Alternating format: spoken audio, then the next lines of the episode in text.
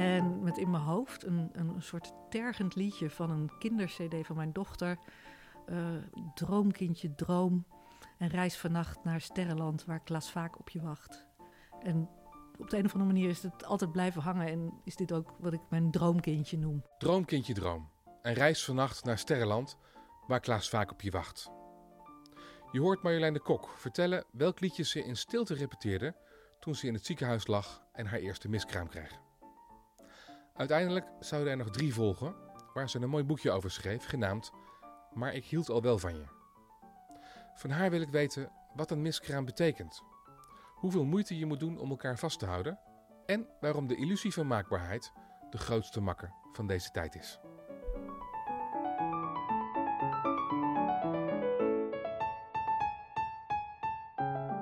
Je luistert naar Podcast Ui, de plek waar we schilverschillend leven afpellen en met de snippers van die ui het hele leven op smaak brengen. Mijn naam is Basti Barancini en in elke aflevering praat ik met iemand die naar de hel ging, maar ook weer terugkwam met prachtige levenslessen. Aan hem of haar stel ik de vraag: welk licht vond jij in het donker?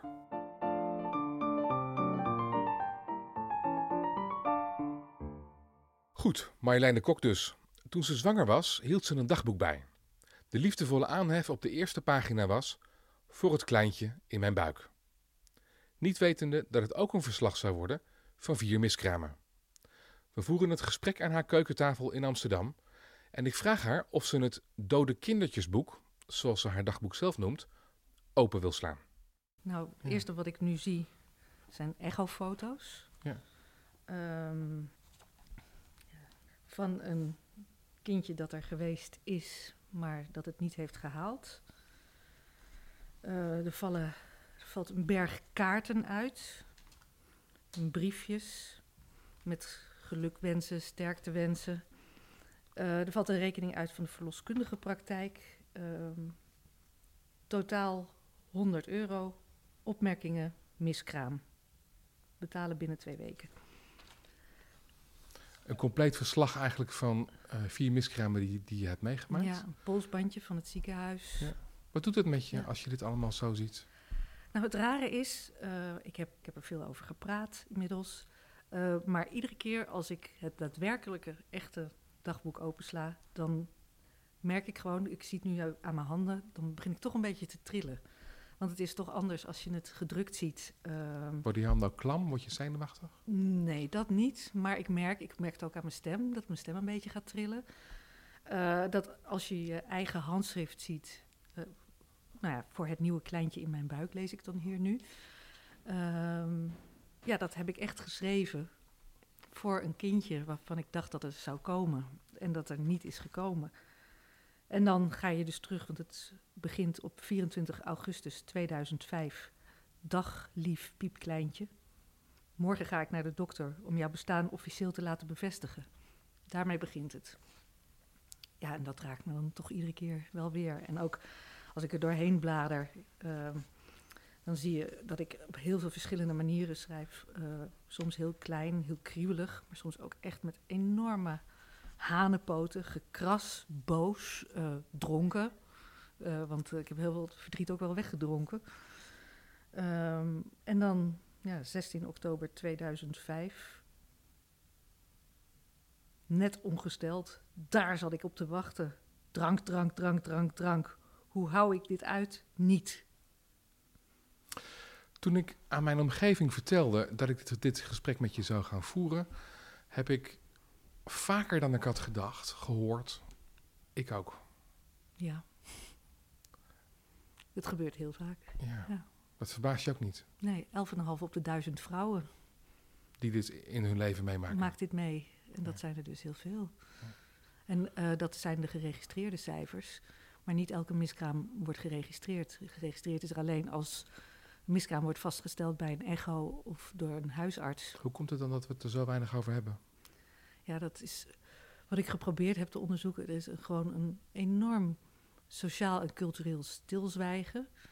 Uh, en waar ik over na heb zitten denken, is dat het misschien te maken heeft met wat ik ben gaan noemen de gradaties van leed. Een miskraam krijg je in de eerste 16 weken van je zwangerschap. En dan is er natuurlijk nog niet zoveel. hier is nog niet zoveel aan je te zien. Ehm, er is ook nog zoiets wat we noemen de 12 weken grens. De 12 weken grens betekent dat als, eh, als je voorbij de 12 weken bent, mag je over je zwangerschap gaan praten, want dan is de kans dat het goed gaat groter. Ehm, Dus in het licht van het grote wereldleid en, en, en alles, is dit, staat het onderaan de ladder. Nou, en zeker, jij noemt het wereldleed, en dat is natuurlijk eh, nog groter, maar ik noem het alleen al op de schaal van leed rondom geboorte. Want een vroeggeboorte, waarbij je daadwerkelijk een babytje, nog niet volgroeid babytje in je handen houdt, of een doodgeboren kindje, of een kind dat ziek wordt en sterft, eh, of een ongeluk krijgt. Weet je, alles rondom kinderen is erger, zou je kunnen zeggen, eh, dan een kind wat er nog niet is. Wat nog niet meer is dan een, stel, dan een hompje celdelingen per saldo. En vliesjes. En dus hebben we het er maar niet over. En dus hebben we het er maar niet over. Nee. Had je altijd al een kinderwens? Nee. Nee? Nee, nee. Ik had. eh, ik heb wel over kinderen nagedacht, eh, maar ik heb heel lang een relatie gehad eh, met iemand van wie ik zeker wist dat ik met hem geen kinderen moest gaan krijgen. Dat is zoals je dat kan aanvoelen Mhm. in een relatie. Eh, maar toen ik eh, een relatie kreeg met mijn man Wilco, eh, ruim twintig jaar geleden, toen was het wel duidelijk. Ik was toen 33 en hij 35. Toen was wel duidelijk van, nou, als dit iets wordt, dan zou dit ook wel eens op kinderen kunnen uitdraaien. Ja. Het heeft een tijdje geduurd voordat ik zwanger werd. Dat was wel spannend, want ja, lukt het wel. Maar goed, toen werd ik zwanger en dat ging gewoon goed. En ik kreeg een gezonde dochter Nou, van, van een dikke 4 kilo bij Ja. geboorte. alleen maar vrolijkheid. Alleen maar vrolijkheid. Ja, eentje. dat was heel leuk. Ja, Ja, dan nog eentje. En het mooie was eh, dat ik vrij snel zwanger raakte. eh, toen we het weer wilden gaan proberen. En eh, dat ik ontdekte dat ik zwanger was een paar weken voordat we gingen trouwen. Want we besloten toen onze dochter anderhalf was dat we toch wel graag wilden trouwen. Althans, ik wilde heel graag trouwen en ik had daar nogal op aangedrongen bij hij mijn... stemde eh, daarmee in. Ja? ja, eerst niet hoor. Hij heeft Ja. het nog wel eens een paar keer lacherig afgewezen. Maar op een gegeven moment zei hij... eh, ja, Marjolein, waarom wil je nou zo graag trouwen? We zaten... Even, dus je hebt een kind, je gaat trouwen. Dat, is, dat zijn de witte broodswijken van het leven. Dat zijn de witte broodsweken. Want ik zei ook van ik wil één keer in mijn leven trouwen. Ja. Dan wil ik trouwen met jou. Nou, dat Ja. was fantastisch. En we hadden eh, besloten om het feest helemaal in eigen hand te houden. We eh, trouwden in de Stopera in Amsterdam. Maar we gaven het feest in de Flamingo Serre van Artis. Tussen de flamingo's bij de Flamingo Vijver. Eh, fantastisch. En ik was ook nog zwanger. Maar dat zwangere hadden we geheim gehouden voor iedereen. Want we wilden niet dat iedereen op die dag het over die zwangerschap zou gaan Ja.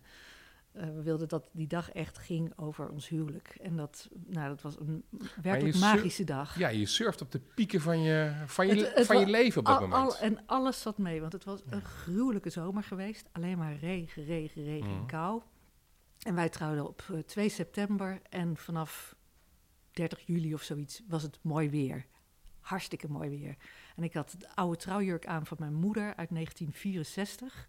Een heel mooi A-lijnjurkje, eh, strak. En dat was nog een beetje spannend, want ik begon toch al een beetje een buikje te krijgen. Dat gaat de tweede keer, als je zwanger bent, toch iets sneller dan de eerste Hmm. keer. Maar het ging allemaal nog net. Dus eh, ja, ik was echt een stralende bruid. En toen, Eh, drie weken later kreeg ik een miskraam. hoe diende zich dat aan? Ja, het begon, Hoe eh, gebeurt zoiets? eh, het begon met een bloeding. Een lichte bloeding in- aanvankelijk. Ja. Maar dat had ik eh, tijdens de zwangerschap, de zwangerschap van mijn dochter. De poes sto- stoot nu iets om. ja. Eh, ehm, tijdens de zwangerschap van mijn dochter had ik ook een lichte bloeding gehad. En dat was goed afgelopen. Dus dat kon nog. Dus dat, ja. ja. dus ik eh, zag het en ik dacht, Marjolein, niet in paniek raken. Ja. Niet in paniek raken. Maar het werd wat heviger. En toevallig belde een vriendin van mij, die ook een bloeding had gehad tijdens de zwangerschap, maar dat er ook niks aan de hand bleek. Eh, en zij zei ook van, ja, nee, het kan gewoon helemaal goed komen. Het komt gewoon helemaal goed. Ja, die bloeding werd steeds erger. En, en toen voelde ik de bui wel hangen. Eh verloskundige gebeld, eh, door naar het ziekenhuis voor een... Was, ik, weet niet, ik weet niet eens meer of, of er toen een echo is gemaakt. Volgens mij werd er gewoon geconstateerd dat ik een miskraam had. Een miskraam die in werking was gegaan. En dan zeggen ze, natuur heeft zijn beloop. Natuur moet zijn beloop nemen. Dus ik mocht weer naar huis om verder te bloeden. Ehm, en dat werd een bloeding die uiteindelijk na anderhalve dag zo hevig werd dat ik uh, s'nachts naar het ziekenhuis moest om een spoedcuratage te ondergaan. En dat was ehm, heel eenzaam, moet ik zeggen. Want mijn man die moest gewoon naar huis. Ik kreeg de operatie, werd naar een kamertje gereden. En uh, keek uit vanuit de vleugel waar ik lag op het Volkskrantgebouw. Wat toen nog het Volkskrantgebouw was op de Wieboudstraat. En mijn man werkt bij de Volkskrant. Dus ik zag altijd het logo. Dus in die zin was hij nog wel een beetje bij me. Maar zonder je man erbij? Zonder man. En met in mijn hoofd een, een soort tergend liedje van een kindercd van mijn dochter. Uh, droomkindje, droom. En reis vannacht naar Sterrenland, waar Klaas vaak op je wacht. Droom, kindje, droom. En op de een of andere manier is het altijd blijven hangen. En is dit ook hmm. wat ik mijn droomkindje noem. Want het was toch, dat is met zo'n miskraam. En het, verschil met dat celklompje wat ik net zei, die delende cellen die uitgroeien tot een garnaaltje en dan iets groter worden. In mijn hoofd had ik natuurlijk al bedacht van, goh, uh, dat wordt misschien wel uh, mijn dochters broertje. Dat wordt, oh, wat zou het zijn? Zo'n leuk jongetje met een brilletje of uh, wordt het een zusje? Maar je, je gaat al een heel leven daaromheen fantaseren. Ja, dat is het natuurlijk ook. Hè. Dus je bent, uh, dus waar dokters en, en, mensen om je heen het hebben over vliesjes en klompjes cellen. Weefsel. Uh, is het voor jou al, je, projecteer, je, je, je projecteert er een, een mensenleven je, project, je projecteert echt een mensje, ja. En je, je projecteert ook een gezin. Want dat is niet, niet eens alleen het kindje. Maar je bent dan niet meer een gezin met één kind, maar een gezin met twee kinderen. Dus dan heb je een kinderwagen en dan, oh, en uh, dan nog een zitje in de auto. En oh, dan gaan we met z'n vieren dat doen. Ja, je hebt een, een soort beeld meteen erbij. En, uh, je ligt daar, je ondergaat die curatage. Ja. Is dat verdriet, wanhoop, eenzaamheid, boosheid? Nou, ik, ik was toen vooral heel erg leeg. Kaal, leeg, eenzaam, omdat ik gewoon zo alleen was met dat liedje maar in mijn hoofd. En dat kwam maar terug, dat hmm. kwam maar terug. Um, ja, echt een, gewoon een afschuwelijke nacht. En de volgende dag mocht ik naar huis. En toen keek ik naar mijn dochter en toen heb ik me daar ook wel heel erg aan vastgeklampt. Van, zij is er wel, haar heb ik wel. Um, maar ja, dat gemis dat is er gewoon. En, um, Hoe heeft zich dat de weken daarna ontwikkeld? Ja, heel wisselend. Het, het, het, raar is, eh, je gaat natuurlijk toch ook al snel weer aan het werk. Uh, je, je, zit op je redactie. Je, je, speelt eigenlijk. Ik had het gevoel alsof ik mijn eigen leven aan het naspelen was. Ik speelde de journalist. Ik speelde de kunstverslaggever op de redactie. Um, ik deed alles wat ik moest. Want ja, de wereld wist het ook niet van mij. Niemand zag het aan mij. Betekent dat dat, je, dat jij daar niet was? Ik denk dat ik daar niet was, nee. Niet echt. Waar was je wel? Um, in mijn hoofd, in mijn lijf. In een heel, ik, ik weet dat ik gewoon vooral die grote leegte heel erg heb gevoeld. Het was heel leeg en heel kaal. En ik ben niet eens zozeer woedend geweest. Behalve als ik te veel gedronken had. Ehm, maar ik heb een groot verzet gevoeld tegen de wereld die maar doordraaide. Alles ging gewoon door. En ik stond stil. En ik denk Wilco ook wel. Maar toch was er ook tussen ons een verschil in beleving. Maar je verzette je tegen de wereld? Ik verzette me tegen het doorgaan van de wereld. Doordraaien alsof alles, of alles maar normaal was. Want wordt, je wordt zelf dus ook geacht om heel snel weer te doen alsof alles normaal is. Terwijl het voor mij niet normaal voelde. Dat duurt gewoon een hele tijd voordat je weer in jezelf keert, terugkeert. Is dat, is dat pijn of, is, of zit er ook een, een laagje bij met zelfmedelijden en, en daarin... Zwelgen misschien? Ja, dat gevoel heb ik. Ik heb niet het idee dat. Nee, ik heb, ik heb mezelf ook de vraag gesteld toen ik mijn dagboek teruglas. Van als ik dan dingen las van. Is het larmoyant? Is, is dit inderdaad zwelgen? Is dit overdreven? Maar ik voelde het wel echt zo. Dus ik denk niet dat dat zo is. En natuurlijk met het vergaan van de tijd ga je ook weer de dingen doen. En wordt het gaandeweg ook weer normaal. Een van de dingen die je dan ook weer gaat doen, eh, is met je man vrijen. Ja. Ja. En dan alsof de duivel ermee speelt, word je dan nog een keer zwanger. Word ik nog een keer zwanger. Ja, het is, weet je, het, Heel snel is, ik, ik, ik weet, eh, ik weet niet zo goed of het troostvrije was. Ik, in mijn dagboek schrijf ik van dat we het ook wel echt doen om een kindje te maken, wat ik dan nu heel, heel eh, eh, raar geschreven vind. Maar goed, dat schreef ik toen, een kindje maken. Ehm, ik denk dat het ook troost vinden bij elkaar is, een soort troost zoeken. Ehm, ik werd behoorlijk snel weer zwanger daarna. Ehm, en was daar ook heel onzeker en ongemakkelijk over. Want ik dacht, ja, dat gaat natuurlijk weer mis. Ja, het ging één keer goed, één keer mis. Dus ja, de kans is dan wel aanwezig dat het nog een keer Ja, ik had eigenlijk helemaal niet meer het idee dat het ooit nog goed zou kunnen gaan. Het gaat natuurlijk weer mis. En ehm, toen mochten we een vervroegde echo laten maken. En eh, nou, dan, ga je, dan ga je natuurlijk met angst en beven naartoe. En nou, dit was een klassieke scène van eh, zoeken naar eh, leven en, Met- het niet, en het niet vinden. Ja, zo'n echte echo. Wat gebeurt er in jou? Want jij zit ook naar het scherm te kijken. En jij weet ook dat je een puntje moet zien wat Ja. klopt. Ja. Nou ja, het, het rare is, ik dacht eerst nog eventjes dat het goed was. Want er was iets te zien. Want mijn eerste miskraam, daar was ik, daar was ik wel een beetje kwaad over bij die eerste miskraam. Dat noemden ze een windeitje. Dan is er wel een vruchtzakje, maar dan is er nooit een celklompje in aanleg geweest. dus, dus, dus wat ik dan dacht van dat is een klein celklompje, dat, dat had ik ook al niet eens. Het was een windeitje. Ja, ik vind het nog steeds een vreselijke term. Degene die dat woord heeft bedacht, die moeten ze ook... eh, Eigenlijk wel, ja. Ehm, maar goed, hier was wel een foetus aanwezig, alleen geen hartenklop. Dus het was al ehm, wat ze dan noemen een degeneratief feutje. Het is al in ontbinding. Nou, dat is lekker om te horen. nou ja, wat doet het met je? Nou, ik heb heel hard gegild en gekrijsd. En wel zozeer dat, ja, dan moet je op een gegeven moment die spreekkamer uit, of die echokamer. En dan zitten er in de gang allemaal mensen te wachten op hun echo. Ja, dat is, daar moet je dan langs. Dat was niet, eh, dat, wa- dat was afschuwelijk. Ja.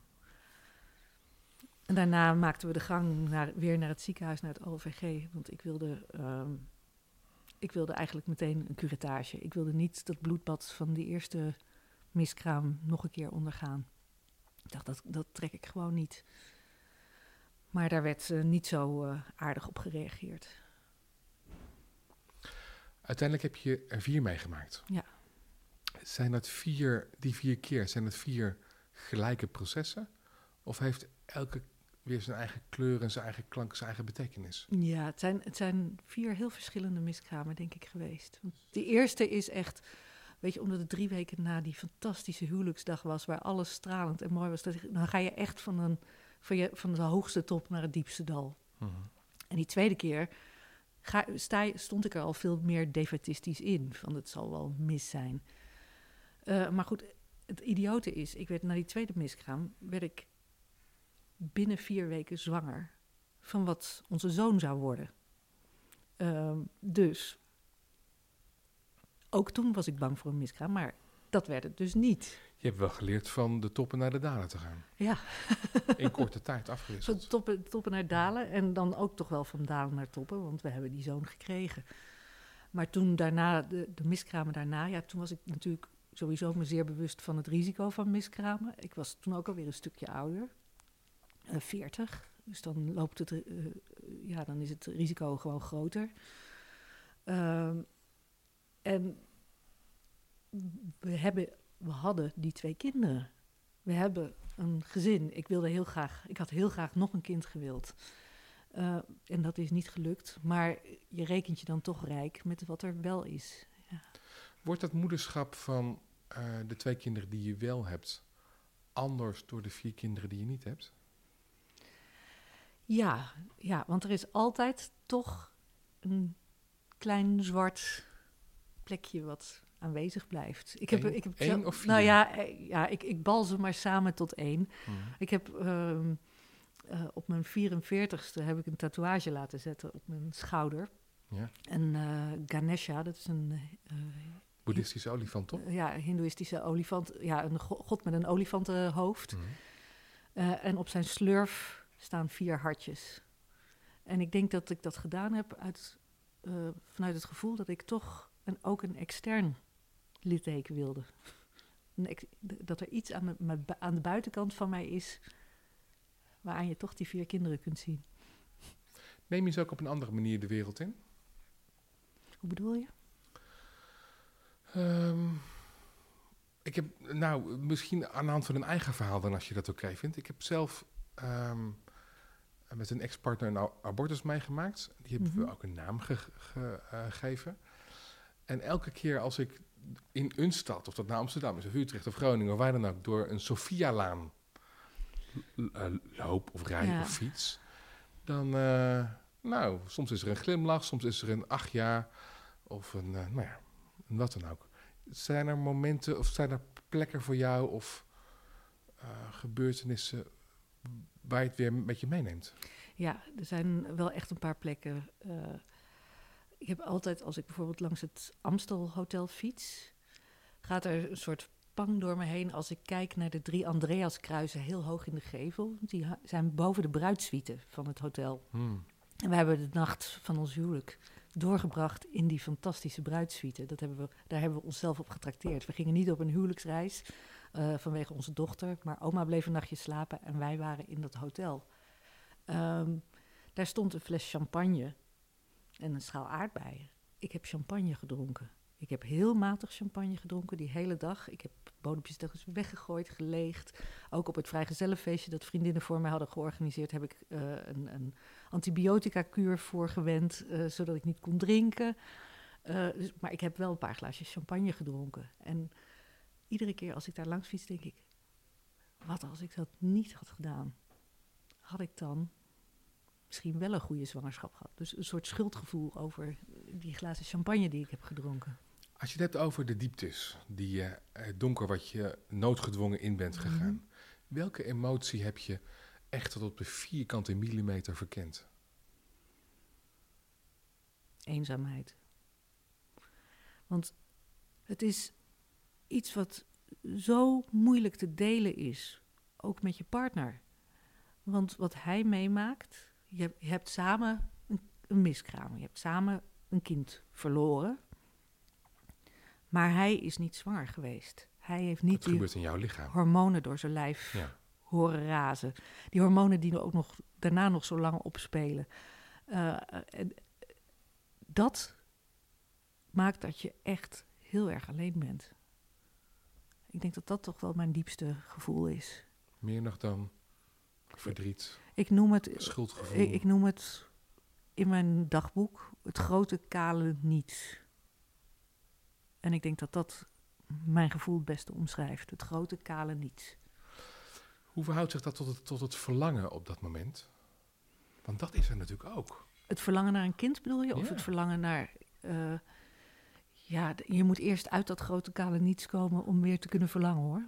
Dat is niet bij elkaar of Dat gaat. door elkaar of aan elkaar gekoppeld. Nee, je hebt toch. Dat is ook waarom ik toen ik zwanger was van mijn zoon helemaal niet blij was. Want ik was er helemaal niet aan toe om dan alweer zwanger te zijn. Hoe ben je er weer uitgekomen? Is dat een kwestie van tijd heelt, heelt alle wonden? Of, of Nou, tijd, tijd hield niet alle wonden, maar tijd hield wel. Ja, Mhm. op een gegeven moment eh, ga je ook de leuke dingen van het leven weer zien. En eh, komt er meer lucht en pak je, weet je, op, op een gegeven moment speel je jezelf niet meer, maar word je weer jezelf. Jezelf met een litteken dat niemand ziet, maar eh, je gaat gewoon door met het leven. En dat heb ik ook, als ik nu terugkijk op die periode, die nu 15 jaar achter me ligt, ehm, denk ik van ja, het, is gewoon heel heel erg door de tijd geweest dat je verder gaat.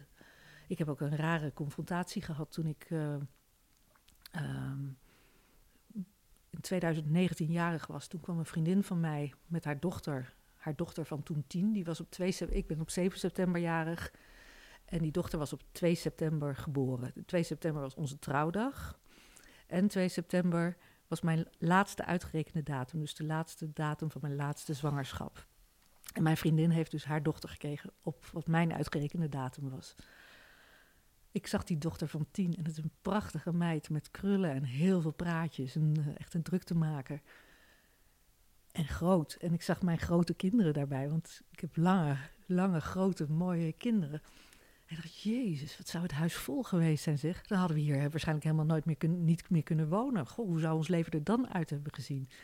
En mijn dochter, die was, nou, toen het meisje weer vertrokken was, die was uitgeput. Die zei, mama. Ik zei, ja, en jij wou er nog zo graag eentje bij en ik ook.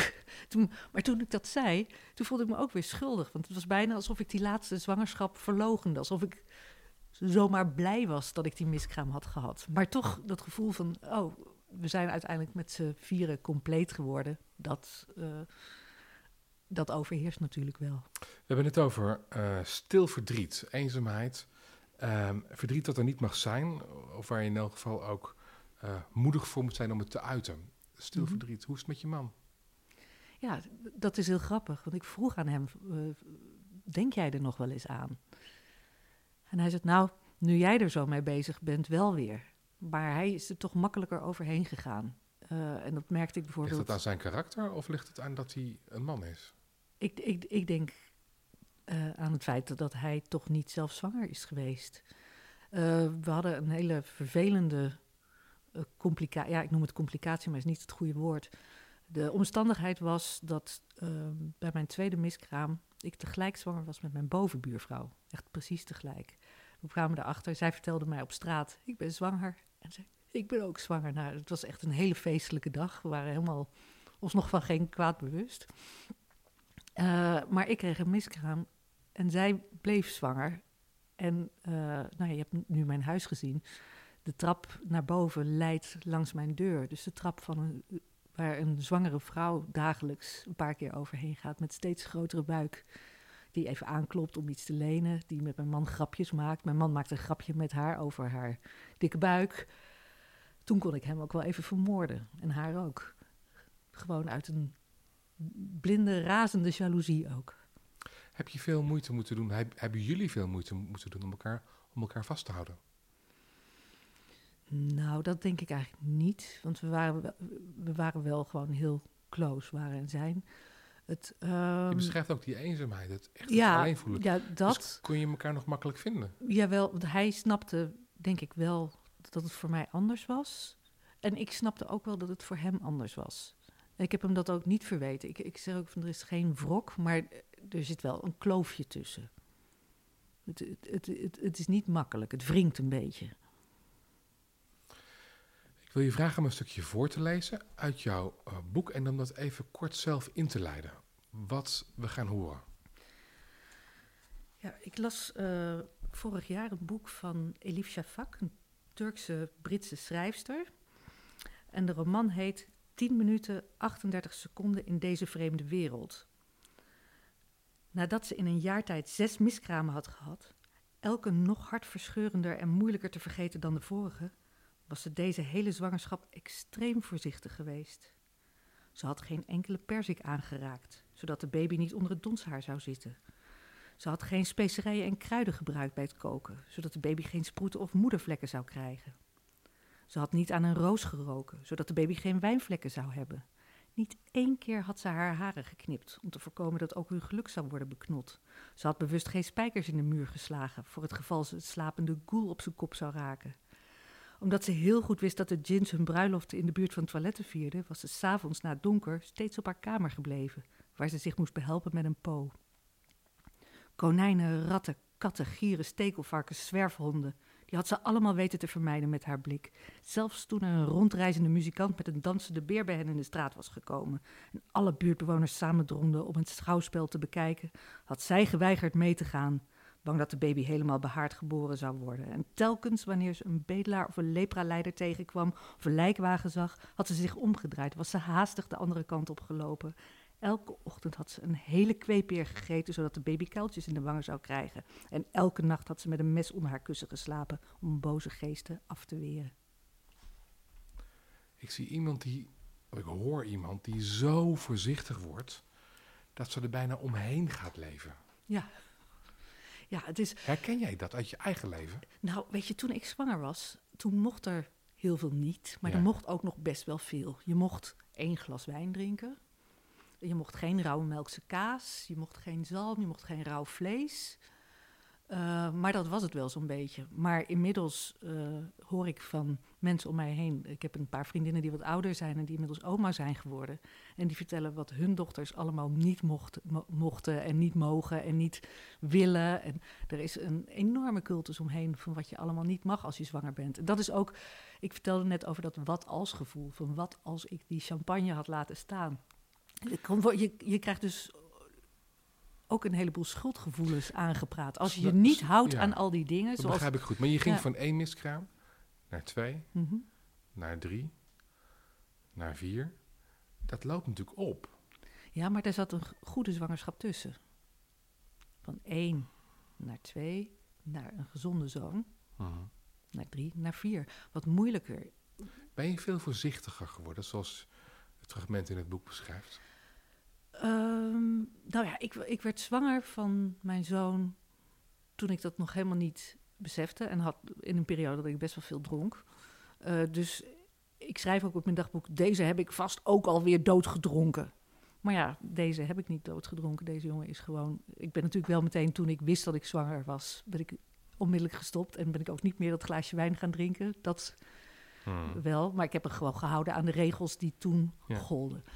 Ehm, maar ik ben veel uh, afstandelijker geweest in die zwangerschap. En dat is iets waar ik later heel veel last van heb, gehad. Heb je er minder mee verbonden? Ik heb mij niet meer verbonden met... De, ik, ik werd heel goed geholpen door een gynaecoloog die elke week een echo maakte. Ze zei, als het mis is, dan weet je het meteen en dan halen we het meteen weg. Je zegt, ik heb er later meer last van gekregen? Ik heb er last... Ja, het, het, het, het rare is, ik heb niet meteen van hem durven houden. Zoals ik voor dat kleintje in mijn buik waar ik het dagboek mee begon, die, daar hield ik al van. Maar toen ik zwanger was van mijn zoon, toen dacht ik van ja, nou eerst nog maar eens even zien wat er van komt. En ik zag hem wel elke week dus groeien op een echo. Op een gegeven moment werden we gefeliciteerd. Maar ik heb toch een reserve ingebouwd. Een reserve tegen weer die klap moeten maken. Hij zit nu, uh, hij zit nu boven? Hij zit nu boven. Is het goed gekomen?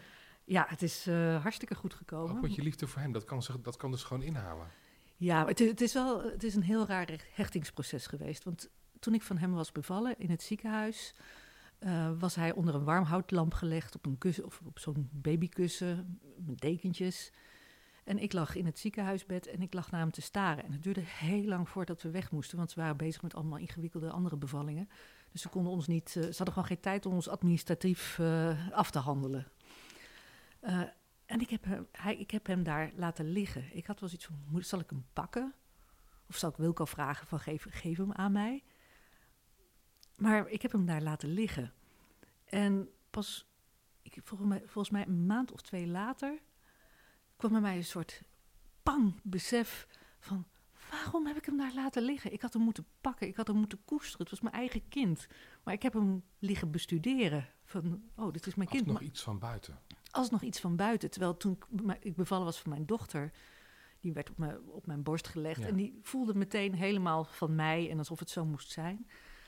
Uh, en toen ik eenmaal het besef had van, ik heb hem eigenlijk op dat moment in de steek gelaten. Zo voelde dat. Toen ben ik hem tot in de extreme bij me gaan houden. Als mijn schoonmoeder hem wilde vasthouden, dan voelde dat alsof ze hem uit mijn armen rukte.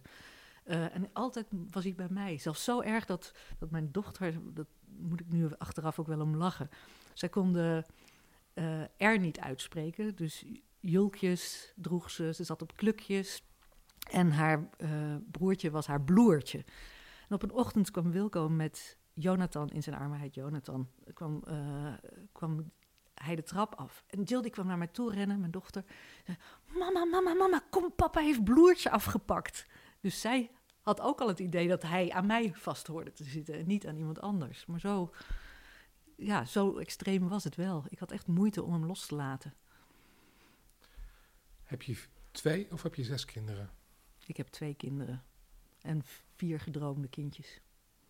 Ja, zo noem je dat? Ja, ik, of niet geboren. Ja, mijn eerste miskraam noemde ik dat droomkindje. Ik zeg wel gedroomde kindjes. Kinderen die er niet gekomen zijn, maar niet kindjes. Want ze zijn natuurlijk nooit meer vergroeid. En de beelden die ik er destijds van had, van wie ze zouden zijn, die zijn inmiddels wel vervaagd. Hoe reageren mensen in je omgeving? Heeft dat een beetje geholpen? Of juist niet? Ja, dat is het, helemaal het lastige met miskramen. Ehm, mensen bedoelen het hartstikke goed, maar ze kunnen verschrikkelijke opmerkingen maken zonder dat te beseffen. Wat zijn nare opmerkingen die je krijgt? Ja, het is, eh, het is redelijk vreed als je het zo bij elkaar opzomt, maar ik heb ze allemaal wel te horen gekregen. Het is beter zo. Het kindje was vast niet goed geweest. Gauw weer opnieuw proberen. Mijn grootmoeder heeft wel acht miskramen gehad. Gelukkig was je nog niet zo lang zwanger. Een vriendin van me moest met vijf maanden bevallen, omdat haar baby niet levensvatbaar was. Mijn nicht had een doodgeboren kindje. Het is de natuur. Gelukkig heb je al een kind. Maar je weet tenminste dat het kan. Gewoon blijven oefenen. Wat deed het met jou?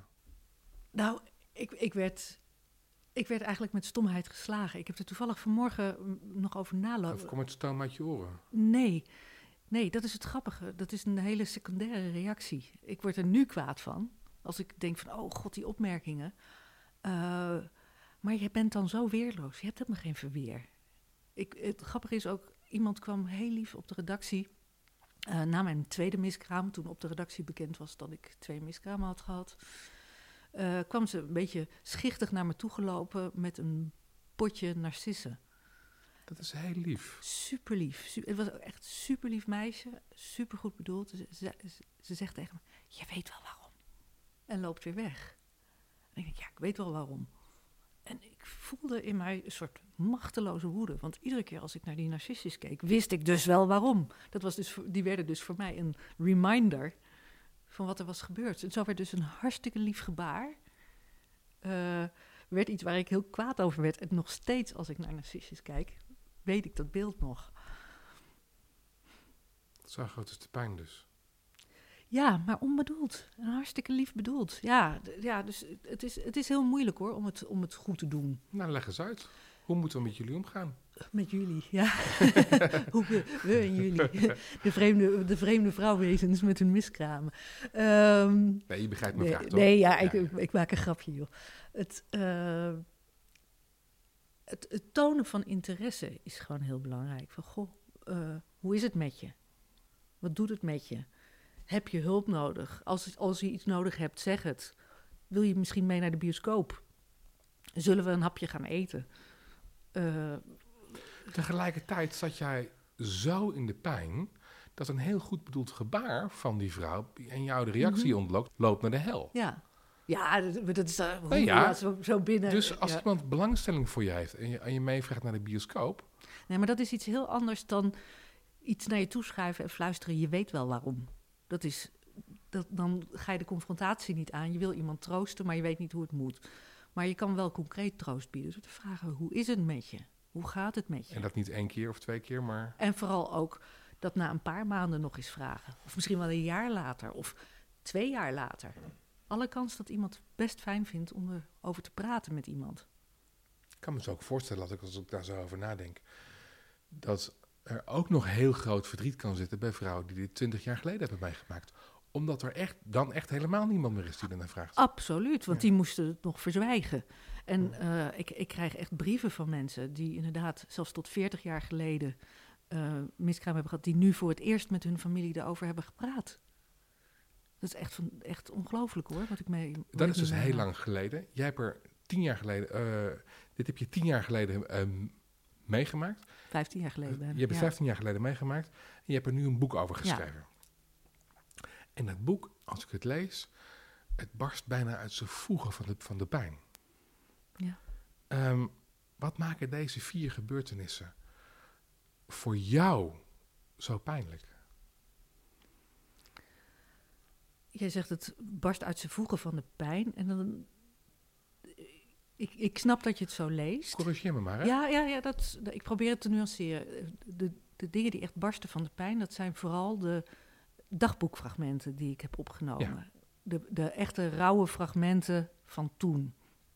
Maar daar, daarnaast heb ik het ook wel meer ingekleed in hoe het sociaal zit, hoe je in kunst ermee geconfronteerd wordt.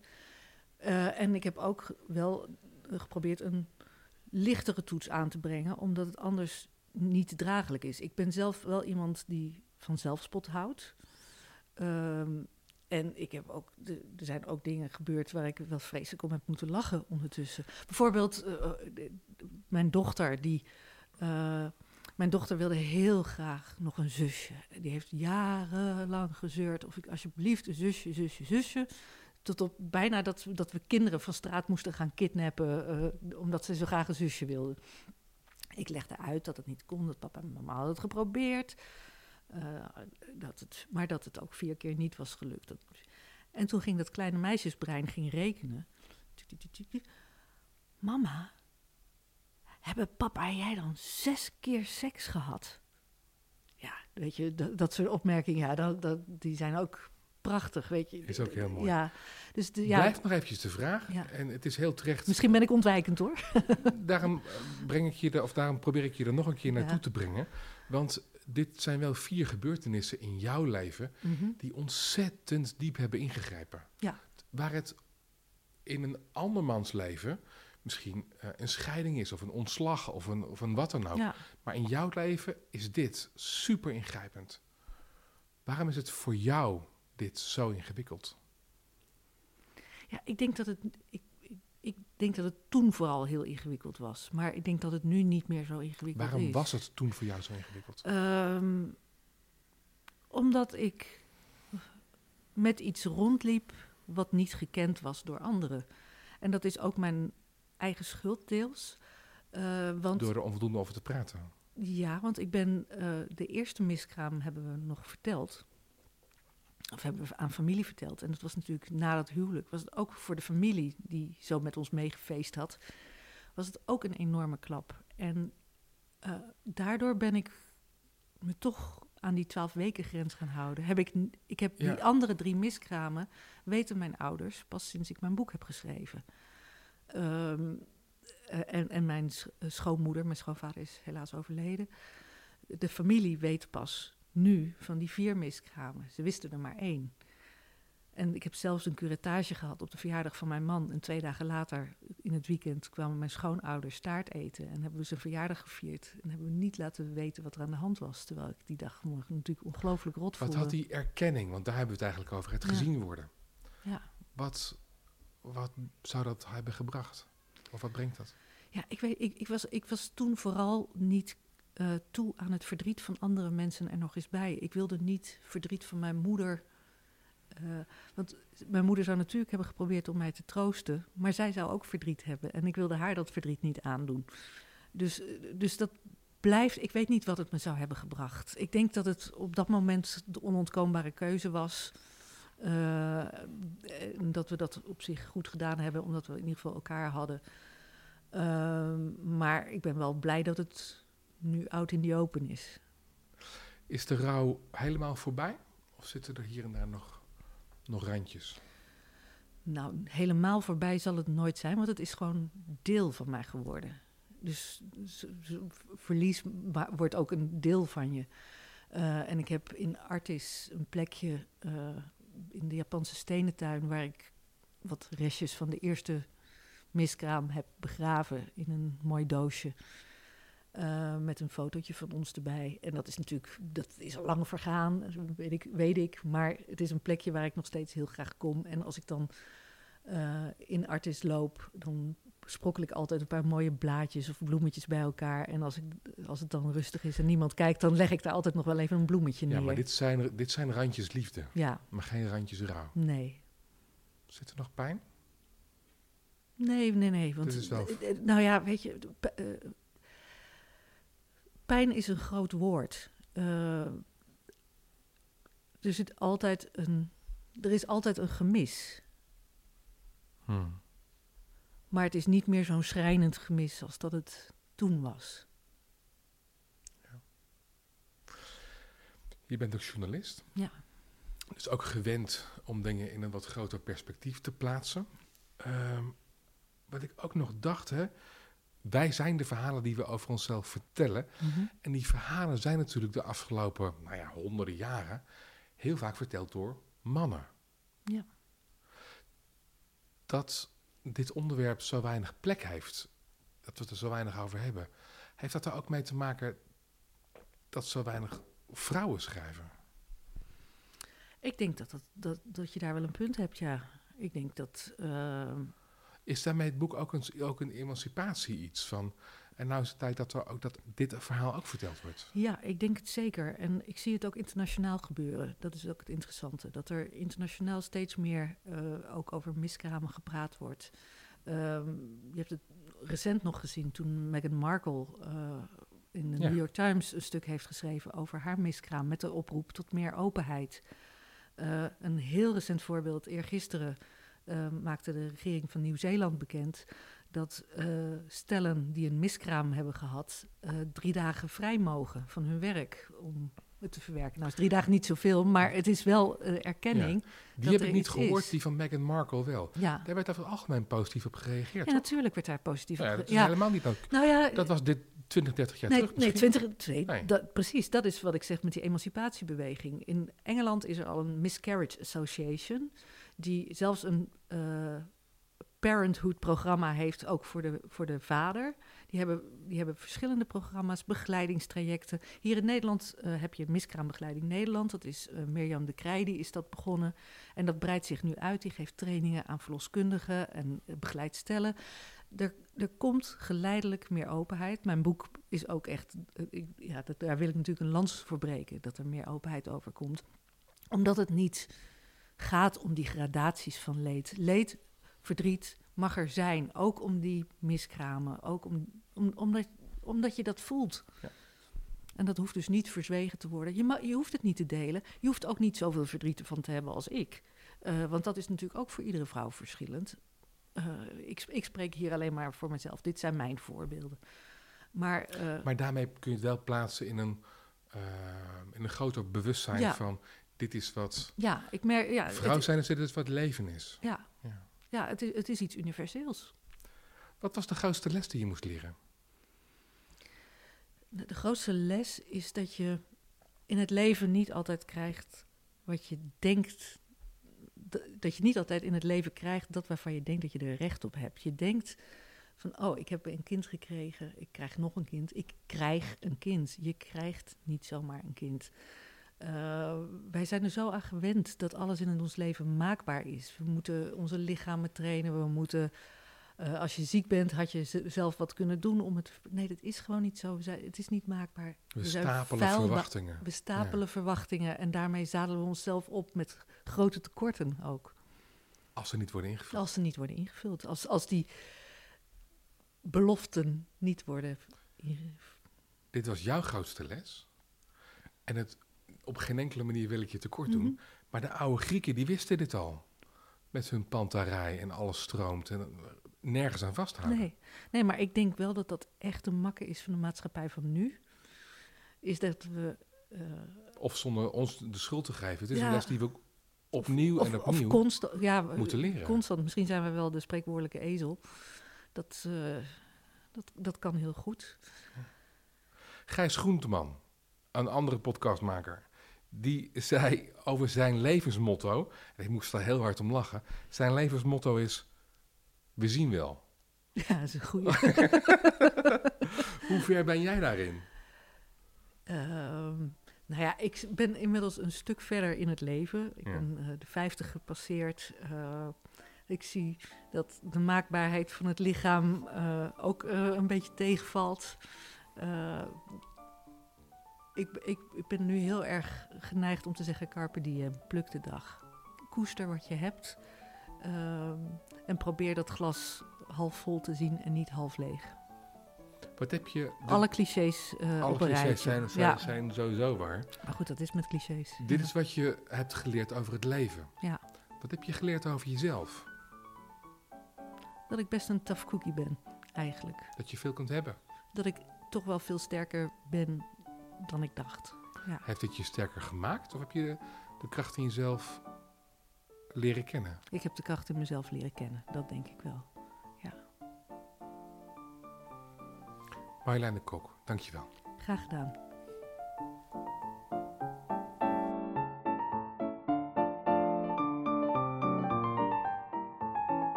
Dankjewel. Fijn dat je luisterde naar deze aflevering met Marjolein de Kok. Het boekje dat ze over haar ervaring schreef is niet dik, maar wel zeer de moeite waard. Een linkje vind je in de show notes. En doe ons nou een plezier. Als je deze aflevering fijn vond, stuur hem dan vooral door naar één vriend of vriendin waarvan je denkt dat hij ook geïnteresseerd zou kunnen zijn. Dat is goed voor de verspreiding van onze podcast. En mensen om jou heen weten meteen dat je een interessante niche hebt gevonden in die toch al uberhippe podcast zien. Alleen maar winnaars dus. Wij gaan er vier weken tussenuit om nieuwe afleveringen te maken. Als je nieuwe edities gewoon automatisch in je podcast-app wil ontvangen, dan is daar een hele handige manier voor, namelijk abonneren. Voor nu zeg ik nogmaals dankjewel voor het luisteren en heel graag tot over een paar weekjes. Dag!